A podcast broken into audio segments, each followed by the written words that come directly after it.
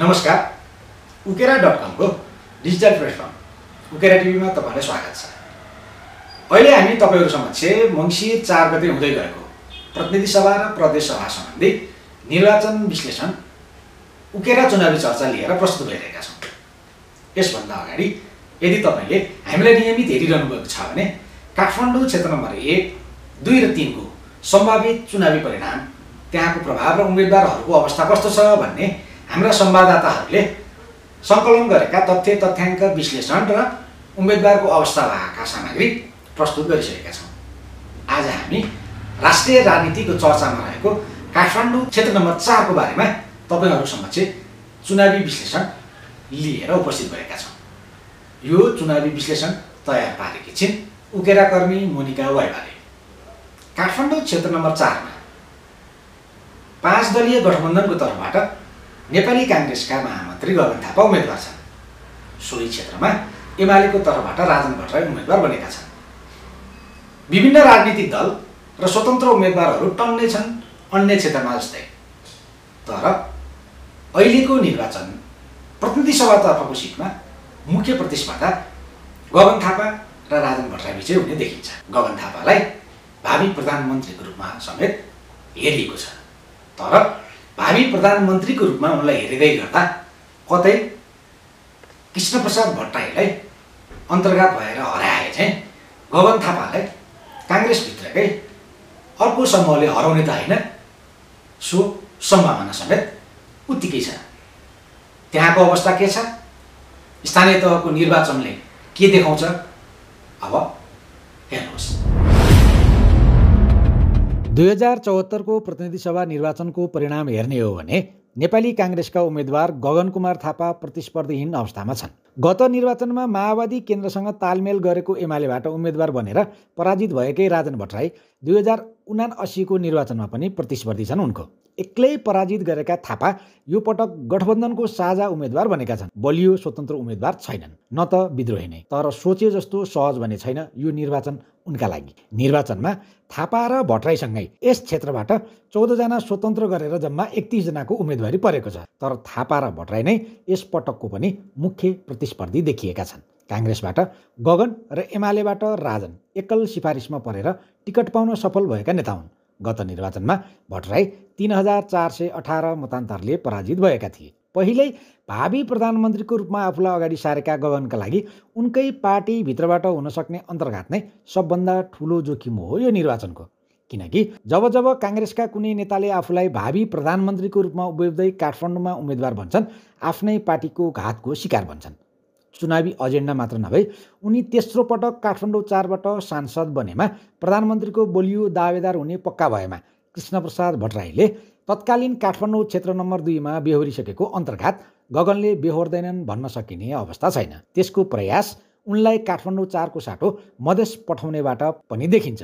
तर सांसद हुनु प्रधानमन्त्रीको दावेदारीमा पहिलो पाइला मात्रै हो। पार्टीको संसदीय दलको निर्वाचनमा संसदीय दलको नेता नचुनिएसम्म प्रधानमन्त्री भन्न सम्भव छैन। त्यसका लागि प्रत्यक्ष र समानुपातिक दुवैतिर गगनले प्रतिनिधित्व गर्ने शेखर कोइराला समूहको बहुमत आवश्यक पर्छ। टिकट वितरणको सङ्ख्याबाट यो सम्भव देखिएको छैन। गगनलाई प्रधानमन्त्रीको यात्रामा अगाडि बढ्न देउवा समूहले आफूले छाडेर आफ्नो समूहबाट अर्को व्यक्ति अगाडि बढाउनु पर्ने अवस्था देखिन्छ। जुन प्रत्याशित नतिजा बाहेकको अवस्थामा सम्भव देखिएको छैन। स्थानीय तहमा एमालेको पकड। काठमाडौँ चारभित्रको स्थानीय तहको मत परिणामले भने राजन त्यति कमजोर उम्मेद्वार देखाउँदैन। काठमाडौँ महानगरका ओडातर्फ काङ्ग्रेस बलियो छ। महानगरका ओडा नम्बर एक सात आठ तिसमध्ये ओडा नम्बर सात आठ तिसमा मात्र काङ्ग्रेसका ओडा अध्यक्ष निर्वाचित भए।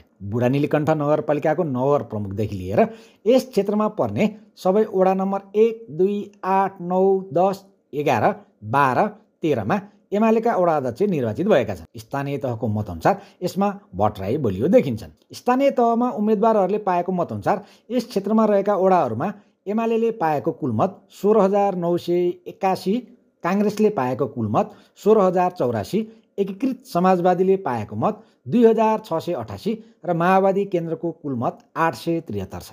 यस प्रदेशको एक क्षेत्र एकीकृत समाजवादीलाई छुट्याएकोले त्यहाँको मत थापालाई थपिन सक्छ। तर काङ्ग्रेसले गत निर्वाचनमा प्रदेशमा जितेका नरोत्तम वैद्यलाई टिकट नदिँदा त्यसको असर थापालाई पर्न सक्छ। स्थानीय तहमा स्वतन्त्रको लोभलाब्दो माहौल देखेर यस क्षेत्रका केही मत बढिन सक्ने देखिन्छ। महानगर प्रमुख बालेन्द्र शाहले यस क्षेत्रमा तेस्रो मत पाएका थिए। यहाँ उठेका स्वतन्त्र उम्मेद्वारहरू त्यति परिचित छैनन् तैपनि केही मत भने बाँडिन सक्छ। थापा र भट्टराईको आआफ्नै छवि। अघिल्लो चुनावको समयमा काङ्ग्रेसको केन्द्रीय सदस्यको रूपमा रहेका थापा यसपटक महामन्त्री बनिसकेका छन्। संसदीय समितिको सभापति र मन्त्री बनिसकेका उनले स्वास्थ्य मन्त्रीको रूपमा राम्रो छवि बनाउन सफल भएका थिए। पार्टीमा आफ्नो भूमिका बढाउँदै गएका उनीसँग दुईपल्ट संविधान सभा रहेको सहित तीन पटक सांसद बनेको अनुभव छ। राम्रो वक्ता राष्ट्रिय राजनीतिमा बनाएको राष्ट्रिय छवि। युवा पुस्तामा लोकप्रिय र स्वास्थ्य मन्त्री हुँदा गरेका केही निर्णयले नै थापालाई भट्टराईमाथि हाबी बनाउने देखिन्छ। तर पछिल्लो समय आफ्नो क्षेत्रमा कम ध्यान दिएको आरोप लाग्ने गरेको छ उनलाई।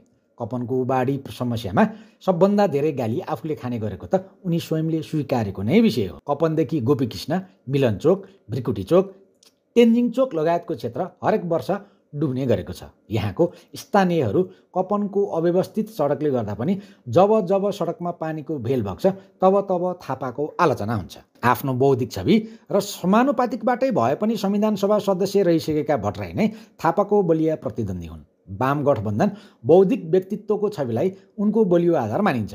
तुलनात्मक रूपमा उनीसँग प्रत्यक्ष चुनावी राजनीतिमा थापाको भन्दा कम अनुभव छ। भट्टराईसँग पूर्व प्रधानमन्त्री दुवै माधव कुमार नेपाल र केपी ओलीको परराष्ट्र सल्लाहकार भएको अनुभव छ। एमालेमा ओलीको उदयसँगै पार्टीको केन्द्रीय सदस्य र संविधान सभाको सदस्य बने उनी। प्रधानमन्त्रीको परराष्ट्र सल्लाहकार हुँदा विकासका कार्यमा उनको पनि ठुलो भूमिका रहेको एमाले पक्षले दावी गर्ने गर्छ। उनी एमालेको विदेश विभाग प्रमुख समेत हुन्। पार्टीको गुटगत राजनीतिमा रमाउने भट्टराई स्थानीय मतदातामा त्यति परिचित भने होइनन्। गत निर्वाचनपछि उनी आफ्नो निर्वाचन क्षेत्रमा बिरलै देखिएका थिए। पार्टी राजनीतिमा पनि उनी पार्टी अध्यक्ष केपी ओलीको जायज नाजायज सबै निर्णयको पक्षमा उभिने गरेका छन्। त्यसले एमालेलाई भोट हाल्ने तर केपी ओलीसँग रिसाएका मध्यममार्गी एमालेहरूले समेत थापालाई भोट हाल्ने जोखिम उनी सामु छ। क्षेत्र नम्बर चारमा कसले मार्ला त बाजी? स्थानीय तह निर्वाचनको मत परिणाम हेऱ्यो भने यो क्षेत्रको पहिलो स्थानमा एमाले छ। तर पछिल्लो समय भएका संविधान सभाका दुई निर्वाचनमा काङ्ग्रेसले जित हासिल गरेको थियो। यसपटक पनि पुरानै खेलाडीबीच प्रतिस्पर्धा हुन लागेकाले यी दुवै प्रतिस्पर्धीहरूबीच नै हारजितको टुङ्गो लाग्ने पक्का छ।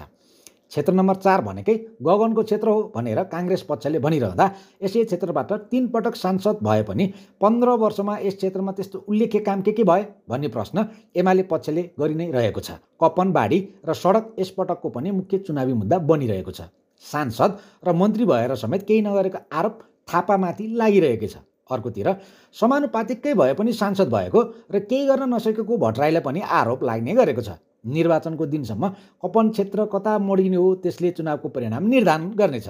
बुढानील कण्ठका मतदाताहरूको निर्णयले पनि क्षेत्र नम्बर चारको सांसद कसलाई चुन्ने भन्नेमा निर्णायक भूमिका खेल्ने पक्का छ। एमालेका उम्मेद्वार राजनको कम प्रभाव रहेको चावेल गौरीहाट चुच्चेपाटी मित्र पार्क अनि पशुपति क्षेत्र यसपटक गगनको निर्णायक क्षेत्र हुने पक्का छ। यी क्षेत्र यसअगाडि नरोत्तम वैद्यले समेत व्यवस्थापन गरेका थिए। तर यसपटक उनले प्रदेशको टिकट पाउन सकेनन्। पार्टी आन्तरिक राजनीतिमा क्षेत्र नम्बर चारमा प्रकाशमान सिंहको समेत प्रभाव क्षेत्र मानिन्छ। उनले गगनको विषयमा कस्तो भूमिका निर्वाह गर्छन् त्यसले पनि गगनको भावी संसदीय यात्रा तय गर्ने निश्चित छ। सिंह आफै काठमाडौँ क्षेत्र नम्बर एकको जोखिममा रहेकाले उनले काठमाडौँ क्षेत्र नम्बर चारमा गगन थापालाई बिचकाएर आफ्नो जोखिम बढाउने मूर्खता पक्कै पनि नगर्न सक्छन्। क्षेत्र नम्बर चारमा यहाँका रैथानेसँगै सिन्धुपाल्चोक नुवाकोट र ओखलढुङ्गाबाट बसाइ सरेकाहरूको पनि बलियो मत छ। ती जिल्लाको समर्थन यस अगाडि गगनको पक्षमा जाने गरेको थियो। यसपटक ती मत लैजान भट्टाईले राम्रै मिहिनेत गरेको देखिन्छ तर त्यसको प्रभाव त्यति साह्रो पर्न सकेको देखिँदैन। ती जिल्लाको मत कतिको प्रभावित हुनसक्छ त्यसले पनि निर्णयमा प्रभाव पार्ने देखिन्छ। किनकि अझै पनि निर्वाचनको प्रचार प्रसारको समय करिब करिब एक साता बाँकी नै छ। यो सामग्री हो उकेराका संवाददाताहरू प्रत्यक्ष रूपमा निर्वाचन क्षेत्रमै खटिएर तयार पारेको सामग्री। सत्य तथ्य र निष्पक्ष। सामग्री प्रस्तुत गर्न हामी सधैँ प्रतिबद्ध छौँ। उकेरा डट कमको डिजिटल प्लेटफर्म उकेरा टिभीमा प्रसारण भइरहेका सामग्रीहरू तपाईँलाई कस्ता लाग्छन्? हामीले प्रस्तुत गरेका सामग्रीहरूको बारेमा तपाईँहरूबाट आउने प्रतिक्रियालाई मनन गर्दै पक्कै पनि यसमा सुधार गर्नेछौँ। यदि तपाईँलाई हाम्रा सामग्रीहरू राम्रा लाग्छन् भने हाम्रा सामग्रीहरू लाइक गरिदिनु होला सेयर गरिदिनु होला। तपाईँलाई यी सामग्रीहरू पढ्न मन लाग्छ भने W W W dot UKERA dot कममा लगइन गर्न सक्नुहुन्छ। उकेरा टिभी उकेरा डट कमको डिजिटल प्लेटफर्म हो। यस्तै प्रकारका सामग्रीहरू आगामी दिनमा हामी तपाईँहरू समक्ष पस्काउँदै जानेछौँ। हामीलाई पछ्याइरहनु होला तपाईँहरूको प्रतिक्रियाहरू दिँदै जानुहोला आजलाई म केपी ढुङ्गाना तपाईँहरूबाट बिदा माग्छु। नमस्कार।